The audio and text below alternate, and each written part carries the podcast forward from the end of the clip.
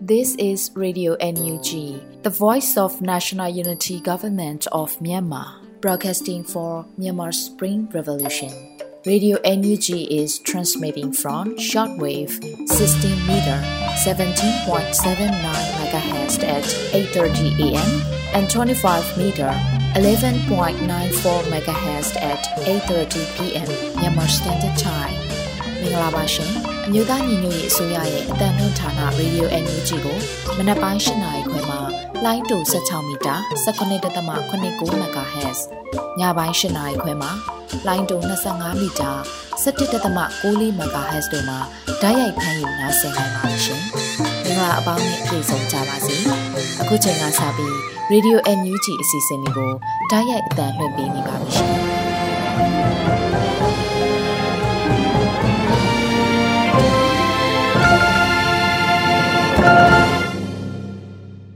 မြန်မာနိုင်ငံသူနိုင်ငံသားအပေါင်းတဘာဝပြီးဆရာနာရှင်ပြီးတို့ကနေကင်းဝေးပြီးကိုစိတ်နှပါဘေးကင်းလုံခြုံကြပါစေလို့ရေဒီယိုအန်ယူဂျီဖွယ်သားများကဆုတောင်းမြတ်တာပို့သလာရပါတယ်ရှင်။ခုချိန်ကစပြီးပြည်တွင်းသတင်းများကိုမျိုးဦးမောင်မှဖတ်ကြားတင်ပြပေးပါရမရှင်။မင်္ဂလာပါခင်ဗျာ။ယခုချိန်ကစပြီး Radio NUG ညနေခင်းပြည်တွင်းသတင်းများကိုဖတ်ကြားတင်ပြပေးပါရမယ်။ ယခုတင်ပြပေးမယ့်သတင်းတွေကတော့ Radio NUG သတင်းတာဝန်ခံတွေနဲ့ခိုင်လုံသောမိဖက်သတင်းရင်းမြစ်တွေမှာအခြေခံထားတာဖြစ်ပါတယ်။ကျွန်တော်ကတော့ຫນွေဦးမောင်ပါခင်ဗျာ။ညပိုင်းပြည်တွင်သတင်းများကိုတင်ဆက်ပေးပါရမယ်။ပထမဦးဆုံးသတင်းအနေနဲ့ကတော့စစ်အာဏာရှင်တွေရဲ့အထူးအယောင်ရွေးကောက်ပွဲကိုအာဆီယံကပယ်ချဖို့အလေးအနက်မျှော်လင့်တယ်လို့အာဆီယံထိပ်သီးအစည်းအဝေးသို့ယာယီသမ္မတဒူဝါလရှိလာကသုံးဝန်လွှာပေးပို့ခဲ့တဲ့သတင်းပဲဖြစ်ပါတယ်။ စစ်အာဏာရှင်တွေရဲ့အတူအယောင်ရွေးကောက်ပွဲကိုအာဆီယံကပဲချဖို့အလေးအနက်မျှော်လင့်တယ်လို့အာဆီယံထိပ်သီးအစည်းအဝေးသို့ယာယီသမ္မတဒူဝါလရှိလာကတဝန်လွှာပေးပို့ဆိုလိုက်ပါတယ်။နိုဝင်ဘာ10ရက်နေ့နေ့စွဲနဲ့40နဲ့42ကြိမ်မြောက်အာဆီယံထိပ်သီးအစည်းအဝေးသို့အမျိုးသားညီညွတ်ရေးအစိုးရယာယီသမ္မတဒူဝါလရှိလာကတဝန်လွှာပေးပို့ခဲ့တာပဲဖြစ်ပါတယ်။ယာယီသမ္မတကပေးပို့တဲ့တဝန်လွှာအရ စစ်အာဏာရှင်တွေအဆိုပြုထားတဲ့ရွေးကောက်ပွဲကလည်းအတူအယောင်နဲ့တရားဝင်မဟုတ်တာကြောင့်မြန်မာနိုင်ငံနဲ့ဒေသတွင်းမတည်ငြိမ်မှုတွေပုံမိုကြီးမားလာစေမှာအသေးစားဖြစ်တယ်ဆိုတာနဲ့အတူအယောင်ရွေးကောက်ပွဲကိုအာဆီယံကဘဲချဖို့အလေးအနက်မျှော်လင့်တယ်လို့သဝန်တော်မှာဖော်ပြထားပါတယ်။ဒါအပြင် အာဆီယံအနေနဲ့အမျိုးသားညီညွတ်ရေးအစိုးရအမျိုးသားညီညွတ်ရေးအတိုင်းအမြံကောင်စီနဲ့အခြားသောသက်ဆိုင်သူတွေကိုထိတွေ့ဆက်ဆံဖို့အတွက်လေးစားစွာအကြံပြုထားပြီးမြန်မာနိုင်ငံအတွက်လူသားချင်းစာနာထောက်ထားမှုဆိုင်ရာကပ်ဘေးကိုဖြေရှင်းဖို့အတွက်အာဆီယံအနေနဲ့အားလုံးပါဝင်တဲ့လူသားချင်းစာနာမှုဆိုင်ရာအကူအညီပေးရေးဖိုရမ်ကိုခေါ်ယူပေးဖို့အတွက်လည်းတောင်းဆိုထားပါတယ်ခင်ဗျာ။ ဆက်လက်ပြီးစစ်ကောင်စီဟာချင်းပြည်နယ်ရဲ့မြေပြင်အခြေအနေကိုထိန်းချုပ်နိုင်ခြင်းမရှိတော့ဘူးလို့ပြည်ထောင်စုဝန်ကြီးဒေါက်တာလျံမုံစာခေါင်းကပြောကြားလိုက်တဲ့သတင်းပဲဖြစ်ပါတယ်။စစ်ကောင်စီဟာချင်းပြည်နယ်ရဲ့မြေပြင်အခြေအနေကိုထိန်းချုပ်နိုင်ခြင်းမရှိတော့ဘူးလို့ပြည်ထောင်စုဝန်ကြီးဒေါက်တာလျံမုံစာခေါင်းကပြောကြားလိုက်ပါတယ်။နိုဝင်ဘာလအတွင်းတွိတ်ဆုံမင်းမြတ်ကန်တစ်ခုမှာ Federal ပြည်ထောင်စုရေးရာဝန်ကြီးဌာနပြည်ထောင်စုဝန်ကြီးဒေါက်တာလျံမုံစာခေါင်းကပြောပါတယ်။ စစ်ကောင်စီဟာချင်းပြည်နယ်ကိုအနော်ရထာစစ်စင်ရေးအပါအဝင်စစ်စင်ရေးအမျိုးမျိုးလုပ်ခဲ့ပါတယ်။ဒါပေမဲ့သူတို့စစ်စင်ရေးလုပ်တိုင်းမအောင်မြင်ပါဘူး။ဒီအချိန်ဒီမှာစစ်ကောင်စီဟာမြေပြင်ကိုမထိန်ချုံနိုင်တာသိကြတယ်လို့ဝန်ကြီးကဆိုပါတယ်။ဒါအပြင်စစ်ကောင်စီခန့်ချင်းပြည်နယ်ဝန်ကြီးချုပ်ကတင်ပြရာတွင်လည်း2023ခုနှစ်ရွေးကောက်ပွဲကျင်းပပါကမြို့နယ်ခုနှစ်ခုတွင်နှစ်ခုသာကျင်းပနိုင်ကြောင်းအစည်းအဝေးခံဆိုထားပါတယ်ခင်ဗျာဆက်လက်ပြီး ပြည်သူဝန်ဆောင်မှုလုပ်ငန်းများကိုအကောင့်အထည်ဖော်ရာတွင်ထိထိရောက်ရောက်မြန်မြန်ဆန်ဆန်ဖြင့်ဆောင်ရွက်ရန်ပြည်ထောင်စုဝန်ကြီးဒေါက်တာဝင်းမြတ်အေးကပြောကြားခဲ့တဲ့သတင်းပဲဖြစ်ပါတယ်။ပြည်သူဝန်ဆောင်မှုလုပ်ငန်းများကိုအကောင့်အထည်ဖော်ရာတွင်ထိထိရောက်ရောက်မြန်မြန်ဆန်ဆန်ဖြင့်ဆောင်ရွက်ရန်ပြည်ထောင်စုဝန်ကြီးဒေါက်တာဝင်းမြတ်အေးကပြောကြားခဲ့ပါတယ်။နိုဝင်ဘာလ17ရက်အမျိုးသားညီညွတ်ရေးအစိုးရကြားကာလဒေသန္တရပြည်သူ့အုပ်ချုပ်ရေးဖော်ဆောင်မှုဗဟိုကော်မတီနဲ့တိုးချဲ့ပြည်သူ့အုပ်ချုပ်ရေးအဖွဲ့များတွေ့ဆုံပွဲမှာဝန်ကြီးကဆိုပါတယ်။ အုပ်ချုပ်ရေးလုပ်ငန်းများဖော်ဆောင်ရာတွင်ပအဖဖခဖ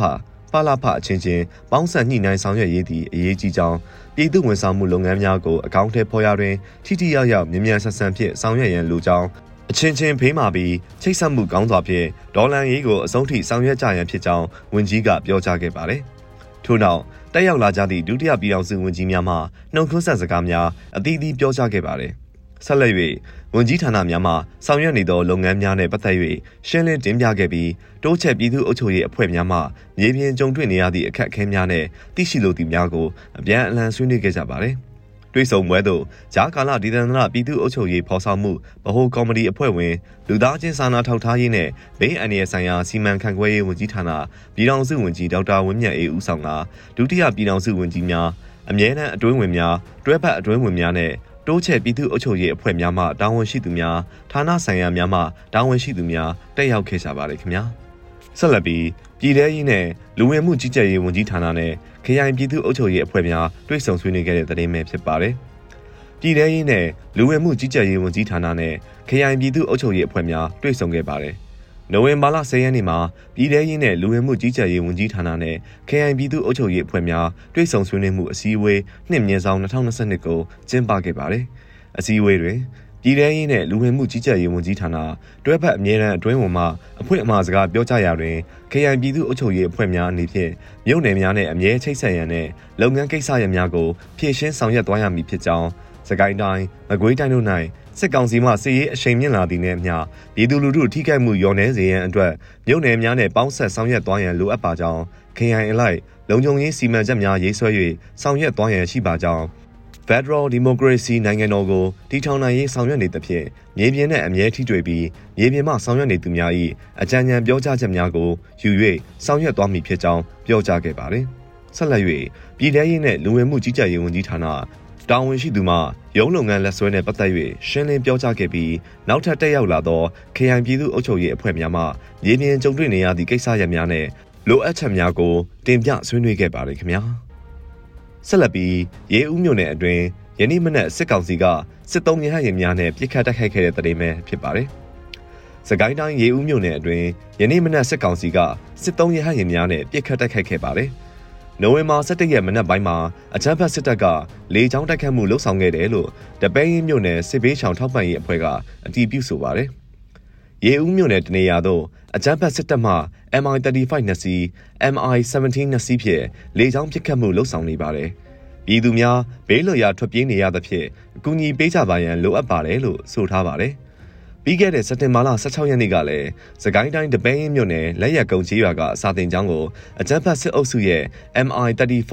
ရဟရင်ကနေပြစ်ခတ်တက်ခတ်ခဲ့ပြီးချီလီယန်တန်ရင်368ကမြေပြင်ကနေလက်နက်ကြီးလက်နက်ငယ်များနဲ့ပြစ်ခတ်ခဲ့တဲ့အတွက်စုစုပေါင်းကလေးတငယ်9ဦးတိတ်ဆုံးခဲ့တဲ့ဖြစ်စဉ်လည်းဖြစ်ပွားခဲ့ပါသေးတယ်ခင်ဗျာ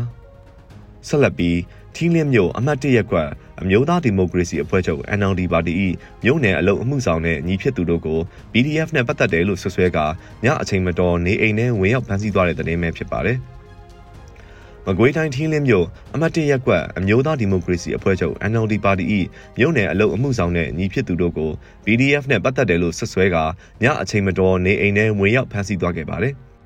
မကွေးတိုင်းထီးလင်းမြို့အမှတ်၁ရပ်ကွက်တွင်နေထိုင်သည့်အမျိုးသားဒီမိုကရေစီအဖွဲ့ချုပ် NLD ပါတီ၏မြို့နယ်အလုံအမှုဆောင်ဦးကြည်စိုးနှင့်၎င်း၏ညီဖြစ်သူဦးမင်းကိုတို့ကိုပြည်သူ့ကာကွယ်ရေးတပ်ဖွဲ့နှင့်ဆက်ဆက်သည်ဟုဆွဆွဲပြီးထီးလင်းမြို့မှရဲစခန်းမှရဲများက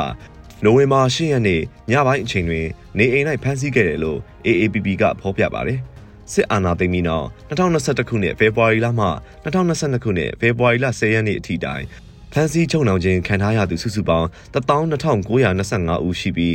၎င်းတို့အနက်မှ1633ဦးမှာထောင်ဒဏ်ချမှတ်ခြင်းခံထားရပါတယ်။နိုဝင်ဘာလ10ရက်2022ခုနှစ်အထိຫນွေဦးဒေါ်လာရေးနဲ့ဆက်ဆက်၍ဒေတန်ချမှတ်ခံထားရပြီးအကျဉ်းထောင်များတွင်ထိမ့်သိမ်းခံနေရသူစုစုပေါင်း86ဦးရှိပြီဖြစ်ပါတယ်ခင်ဗျာ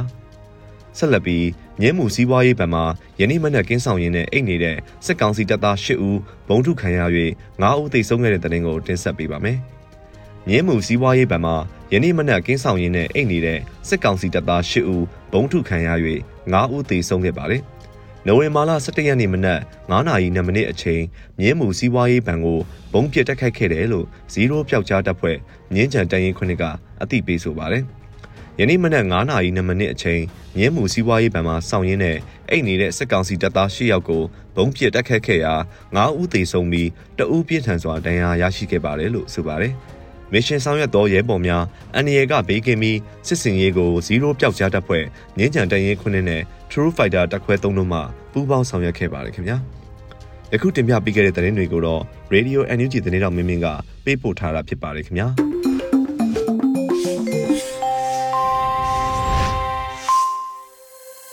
ဗီဒီယိုအသစ်မှာဆက်လက်တင်ပြနေပါတယ် အခုဆက်လက်ပြီးတော်လန်ရေးဆောင်မအစီအစဉ်မှာတော့မိုးခတင်ဆက်ထားတဲ့ CDN တို့ရဲ့အတန်းနဲ့အာမန်အပိုင်း26ကိုနားဆင်ကြရတော့မှာဖြစ်ပါတယ်ရှင်။အားလုံးပဲမြင်လာပါအဲကျွန်တော်တို့ထုံးစံတိုင်းပေါ့နော်ဒေါ်လာရင်းကာလာကကြာမြင့်လာတဲ့အတွက်ကြောင့်မလို့ဒီလူတွေလည်းဒေါ်လာနေကြတဲ့ပြည်သူတွေလည်းအဲစိတ်ပင်ပန်းလူပင်ပန်းဖြစ်နေကြပြီ။နောက်တနေ့တနေ့အဲနေစာတူကမြင်တွေ့နေရတဲ့ ရိုးအီနေတဲ့မြင်ကွင်းတွေပေါ့မြင်ကွင်းတွေကိုကြည့်ပြီးတော့စိတ်အဆင်မပြေတာတွေလည်းဖြစ်နေကြပြီပေါ့နော်။အတိကကတော့သမယိုးကြမြင်တွေ့နေရတဲ့ဟာတွေမြင်ကွင်းတွေကြောင့်အဲစိတ်တွေကထုံသွားတဲ့သဘောပေါ့နော်။စိတ်တွေကတိတ်ခံစားချက်တွေနဲ့လည်းကင်းမဲ့လာတဲ့ပုံစံမျိုးပေါ့ဖြစ်နေကြပြီဆိုတာကိုအပြီးကနားလဲပါတယ်ပေါ့အဲဒီနေရာမှာမိတ်ဆွေတွေကိုအားပေးချင်တာကတော့လွန်ခဲ့တဲ့ဟို3နှစ်လောက်ကပေါ့3နှစ်လောက်ကကျွန်တော်ဒီနိုင်ငံပညာတော်နဲ့သွားတော့ကခင်ခဲ့ရတဲ့ညီလေးတယောက်ရှိတယ်ပေါ့နော်သူ့အကြောင်းလေးပြောပြချင် အဲသူနဲ့ပြီးခဲ့တဲ့2ရက်လောက်ကစကားပြောပြတယ်အဲသူနဲ့ဟိုမခင်လာတဲ့ဒီကိုရီးယားမှာပေါ့နော်ခင်လာတာသူကကိုရီးယားမှာအလုပ်လုပ်နေတယ်အဲသူ့ရဲ့အဲ့အချိန်တော့သူအလုပ်လုပ်တုန်းကသူ့ရဲ့အခြေခံလာစာနဲ့ဒီ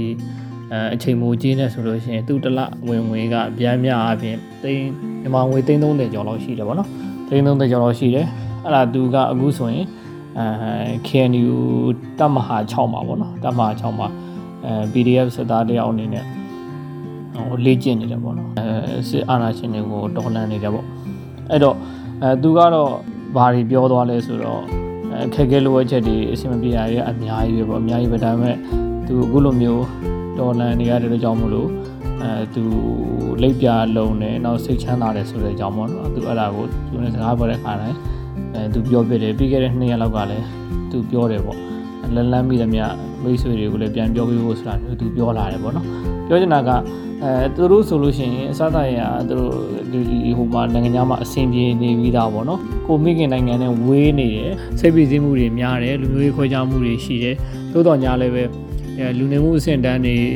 အဲလာဆောင်ငွေတွေကဒီတစ်ခုနိုင်ငံနဲ့ဆိုင်အများကြီးမြင့်ပါတယ်ခွာချတယ်ပေါ့အဲဒါလိုလူတွေတော့မှသူပြန်လာကြပြီးတော့တော်ထဲမှာတော်လန်နေသေးတယ်ပေါ့နော်အဲ့ဒါကိုနေသိထားသိချင်တာပေါ့ကျွန်တော်ရဲ့မိတ်ဆွေတွေပြည်သူတွေပေါ့တော်လန်ပြည်သူတွေကို အဲအဲ့ဒါလေးလေးနေတာသိသိချင်တယ်နောက်အဓိကကတော့စိတ်တကြတယ်ဆိုတာကကိုယ့်ရဲ့ပတ်ဝန်းကျင်နဲ့လည်းဆိုင်တယ်ပေါ့ပတ်ဝန်းကျင်မှာကဟိုတော်လိုင်းကိုကိုနဲ့မဆိုင်တယ်လို့မျိုးနေနေကြတယ်ပေါ့နော်တနေ့နေ့လိုပဲ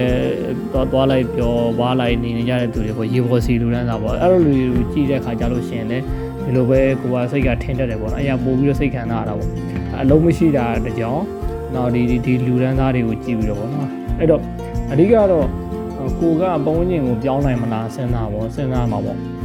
လက်ရှိရောက်နေတဲ့နေရာမှာအဆင်မပြေဘူးဆိုလို့ရှိရင်ပုံဝန်းကျင်ပြောင်းနိုင်ရင်တော့ပြောင်းလိုက်တာအကောင်းဆုံးပဲကျွန်တော်တော့ပုံဝန်းကျင်ပြောင်းမလိုက်ဘူးပေါ့နော်ချက်ပေါ့ပုံဝန်းကျင်မပြောင်းနိုင်ရင်တော့ကိုယ်စိတ်ကိုပြောင်းလဲထားဖို့လိုတယ်ပေါ့ဘာဖြစ်လို့လဲဆိုတော့ဒီလူတွေကိုကြည့်ပြီးတော့ဟာ online ရအောင်ပါတော့မလားဒီတိုင်းပဲပြီးတော့တော့မလားဆိုစိတ်ကြီးအငြင်းအောင်ဝင်လာတဲ့တဲ့နောက် online ပေါ်မှာလည်းအဲဒီဒီဒီဘာမှမဟုတ်တဲ့အဲသတင်းတွေပေါ့နော်အဲအရေးများဖများသတင်းတွေတက်လာတယ် AI ရဲ့သဘောတရားအရာကလည်း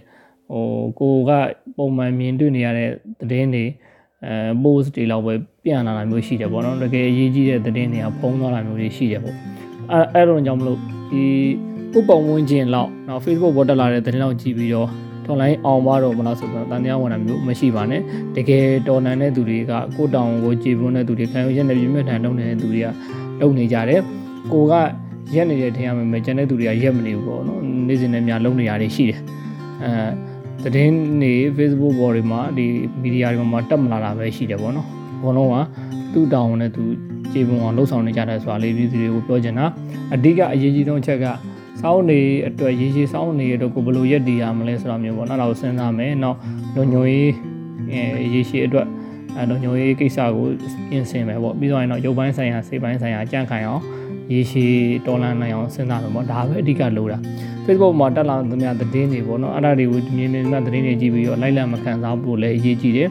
အဲပြောကြသတင်းတွေပြောလိုက်ပေါ့စိတ်ညစ်စရာသတင်းတွေစိတ်ညစ်လိုက်ပြင်ထားလိုက်ကြံလို့ကိုလုံးကြရှိတာကိုလုပ်ဖို့လိုတယ်ပေါ့အရေးကြီးတယ်ကျွန်တော်ပြောတဲ့အချက်၃ချက်ပဲစောင်းနေအဆင်ပြေဖို့အဲနောက်လူညိုရေး queue site ဖို့နောက်ရုပ်ပန်းဆိုင်စိတ်ပန်းဆိုင်အကြမ်းမာရေး queue site ဖို့ပေါ့လိုတယ်နော်အဲ့မှာအဓိကကိုယ့်စိတ်ကိုလည်းအတင်းမချုပ်ထိထားဖို့လိုတယ်ပေါ့တစ်ချိန်လုံးအဲ 24နာရီနဲ့9ရက်ပတ်လုံးဒေါ်လာကြီးပဲလုံနေရမယ်လို့မဆိုလို့ဘူးဘယ်သူမှလည်းမလုံနိုင်ဘူးပေါ့ self care လေးတွေလုပ်စေချင်တယ်ကိုကို view site တာမျိုးပေါ့အဲစာဖတ်တာမျိုးတခြင်းနားထောင်တာမျိုးစကားကြည့်တာမျိုးခုနကကိုပန္ဒနာပါတဲ့လုပ်တွေပေါ့နော်အားကစားလုပ်လုပ်တာတွေတပင်ပတ်မှန် site တာတွေကိုနဲ့ရင်းနှီးတဲ့တငယ်ချင်းမိတ်ဆွေပေါင်းသင်းတွေနဲ့ခါလေးတော့သွားသွားတွေ့တာမျိုးတွေလုပ်ပေးဖို့လိုတယ်ပေါ့အဲ့လိုမလုပ်ပေးလို့ရှိရင်ကျွန်တော်တို့တွေကအဲ mental disorder လို့ခေါ်မလားဒီ စမပြေတာတွေဖြစ်လာနိုင်တယ်ပေါ့နော် trauma ပေါင်းမျိုးစုံနဲ့စိတ်ယောဂပေါင်းမျိုးစုံနဲ့အဲ့တော့စိတ်ကိုလည်းလုံးလည်းလောက်ဖွင့်ထားပေးဖို့လိုတယ်ရုပ်ပိုင်းဆိုင်ရာစိတ်ပိုင်းဆိုင်ရာကျန်းမာကြခိုင်နေမှာရေရှည်ဒေါ်လာနဲ့မှာဖြစ်တယ်နောက်ပြီးရင် side war တွေ mind game တွေပေါ့နော်ဒီဒေါ်လာမအောင်တော့ဘူးဆိုတာဟာတွေကိုဖတ်ပြီးတော့လိုက်လံခံစားနေဖို့လိုတယ်ယုံကြည်ချက်နဲ့ဆက်ပြီးတော့ဒေါ်လာနေဖို့လိုတယ်စသရအဲ give site ရောက်ဖို့တော့မှာကြားချင်ပါတယ်အရေးတော်ဖို့မုတ်ချအောင်ရ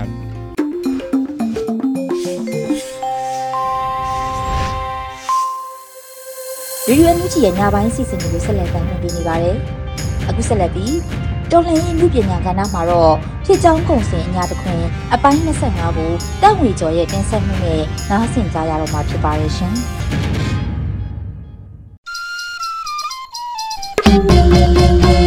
အညာတခွင်ကဖြစ်ကြောင်းပုံစံပြောပြရရင်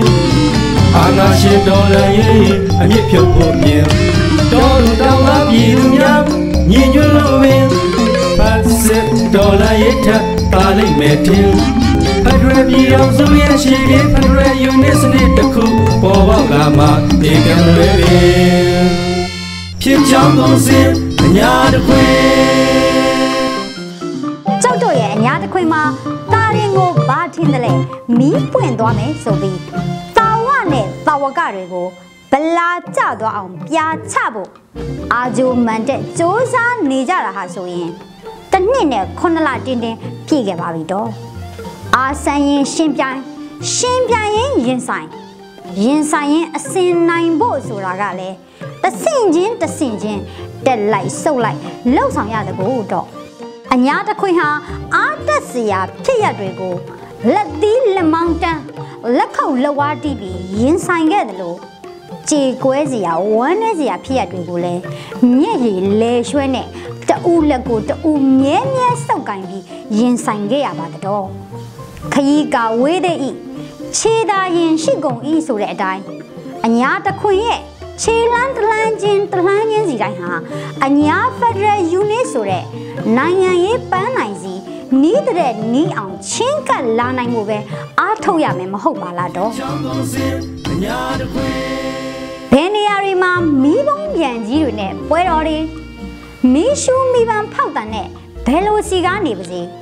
အညာတစ်ခွင်မှာတော့ရွာတွေကိုဝါညူသွားတဲ့မီးပြန်ကြီးတွေစစ်ပြေးတဲ့လူစုလူဝေးတွေတနက်ဘုံဖောက်တန်တွေဟာပဲပွဲတော်တစ်ခုဖြစ် တစ်နှစ်ခွဲကြော်တိုင်တိုင်အသုံးတော်ခံနေစေပါမြင့်မြတ်စွာကြာဆုံးသွားတဲ့တော်လှန်ရေးရဲဘော်တွေရဲ့အလောင်းတွေဖက်စစ်စစ်တပ်ရဲ့အလောင်းတွေအပြစ်မဲ့ပြည်သူတွေရဲ့အလောင်းတွေဟာလည်းတောင်လိုပုံထက်နေပြီမို့တနှစ်ကြော်တိုင်းကျင်းပနေတဲ့အညာဟောလဝမ်ပွဲတော်လို့တောင်တင်စားခြင်းပါတော့ပုံစံအညာတခွင်ဒီတစ်ပတ်မှာလဲအားတက်စရာဖြစ်ရက်တွေ ခြေကွဲဝမ်းနေစရာဖြစ်ရက်တွေဟာအညာတစ်ခွေမှာဖြစ်ထွန်းပေါ်ပေါက်နေစမြဲပါတော့ခင်ဦးကတိုက်ပွဲတွေကတော့ဒီတစ်ပတ်အတွက်မပါမပြီးပြောရမယ်ပွဲကြီးပွဲကောင်းတွေပါပဲရတကုံအင်းဘတ်ကွေအထိုင်းဆိုတာစကဆနဲ့ပြူတွေရဲ့အမာကန်အထိုင်းစခန်းကြီးပေါ့တော့အဲ့ဒီစခန်းကြီးကိုလက်လုံနှစ်ဆင့်ခွဲအမြောက်တွေနဲ့အုံငနေအုံငနေအမုံဆွဲလိုက်တာ စကဆနဲ့ပြူတွေခမညာကြောက်အားလန့်အားထွက်ပြေးကြပါတဲ့ကံကဆိုးကျင်တော့ထွက်ပြေးတဲ့နေရာဟာတီးတုတက်တွေအသင့်ထောင်ထားတဲ့မိုင်းကွင်းလေးတွေဖြစ်နေပါတဲ့တော့ဒါနဲ့ပဲငါတော့မေးလို့မရတော့ဘူးစစ်ခွေးငါတော့မေးလို့မရတော့ဘူးပြောလိုက်ရင်ဆိုပြီးတယောက်နဲ့တယောက်အသိပေးရင်ငါးကောင်ထက်မနဲ့မာလကီယာသွားကြပါတဲ့တော့ ပုံမြင်လေးကဒီလောက်တင်လားဆိုတော့မဟုတ်ပါဘူးတော့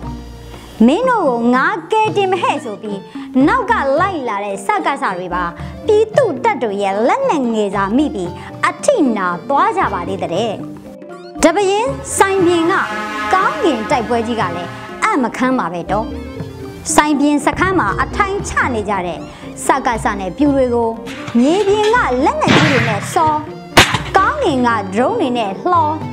စခန်းတွေကစကစ20လောက်ကတော့အထိနာလို့အော်အားရကြပါပဲတော့အဲမုံရွာချမ်းလေးပင်တိုက်ပွဲကတော့ဝမ်းနေကြပါတော့မုံရွာ The Boys အထူးကွန်မန်ဒိုတပ်ဖွဲ့အပါအဝင်တီတုမဟာမိတ်တပ်ပေါင်းစုတွေဟာချမ်းလေးပင်မှာတက်ဆွဲထားတဲ့စကစအင်အား100ကျော်ကိုသွားရောက်တိုက်ခိုက်ခဲ့တာမှာစကစ18ဦးခန့်ကိုလောကကြီးကနေနှင်းထုတ်နိုင်ခဲ့ပြီနဲ့တကယ်သူ တင်ကိုတင်အချိန်မှာကြီးကုံသွားတာကြောင့်အခြေအနေပြောင်းသွားပြီးပြည်သူရဲဘော်ရှိဦးအသက်ပေးလိုက်ရပါတဲ့တုံးသူတင်ကိုတင်မျက်နှာချင်းဆိုင်တိုက်ကြတဲ့အချိန်တွေမှာပြစ်အားဟာအင်မတန်အရေးကြီးတာမို့နောက်အခါကြီးကုံတာမျိုးမဖြစ်ရအောင်ကျုပ်တို့တော်တို့ပြည်သူတွေဖြည့်ဆည်းပေးကြပါဦးလို့ပဲတိုက်တွန်းပြရတယ်တော့နှခမ်းနေနဲ့ငပြောဘူးလို့ပါတယ်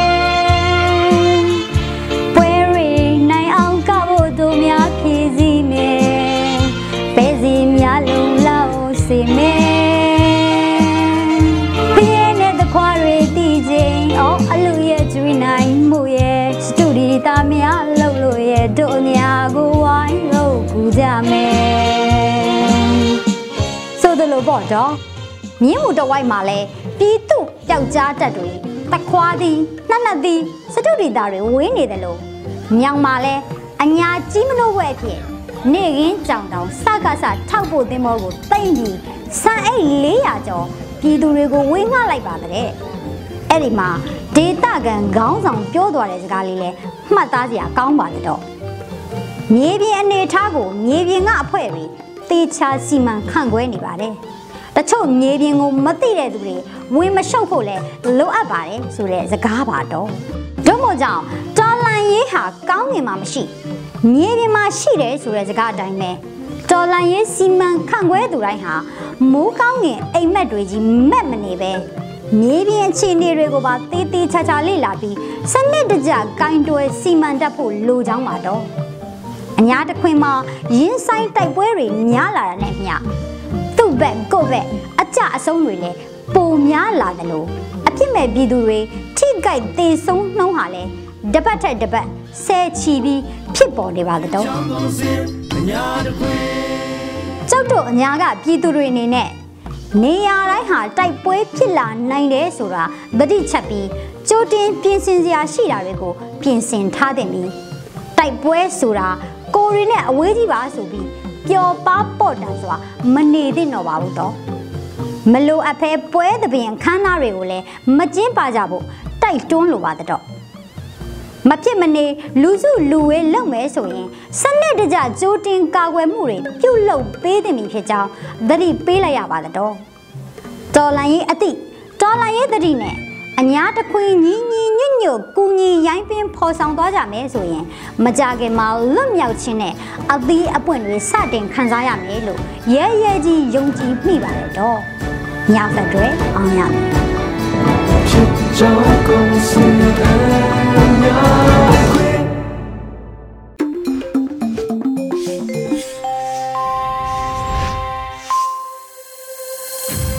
ရေဒီယိုအန်ယူဂျီပြည်သက်များရှင် ဒီနေ့ရဲ့တော်လှန်ရေးတိဂီတာအစီအစဉ်မှာတော့2021လို့အမည်ရတဲ့တော်လှန်ရေးတိဂီတာကိုနှွေဦးမှုမှရေးသားပြီးတော်လှန်ပြည်သူများမှတည်ဆထားတာကိုနားဆင်ကြရတော့မှာဖြစ်ပါရဲ့ရှင်အိမ်မက်တွေကိုစီရောင်နေကိုလှမ်းမဲ့ခြေလမ်း February ကြမှာငင်တော့ဆုံးပါလီလန်းသင်းဝေလိုက်အညော့အဖိုးတွေ ຫນွေဦးမှာဖုံးမယ်ဟန်တော့အကိုင်းမချမ်းအခက်လဲခြိုင်တော့ကြွေစင်းရလေအတ္တကိုချမ်းသစ္စာကိုရန်လို့မိစ္ဆာကိုဖိုဝင်ထိုးမယ်ကျုံဝါတိမှန်နိုးထားရပြန်နေအဝင်နေအထွက်ငါပြုတ်သမျှဆွရစ်တို့မှာ အတ္တမမှုကြာရှုံးစေပါ အတုမရှိမြတ်စွာလျှော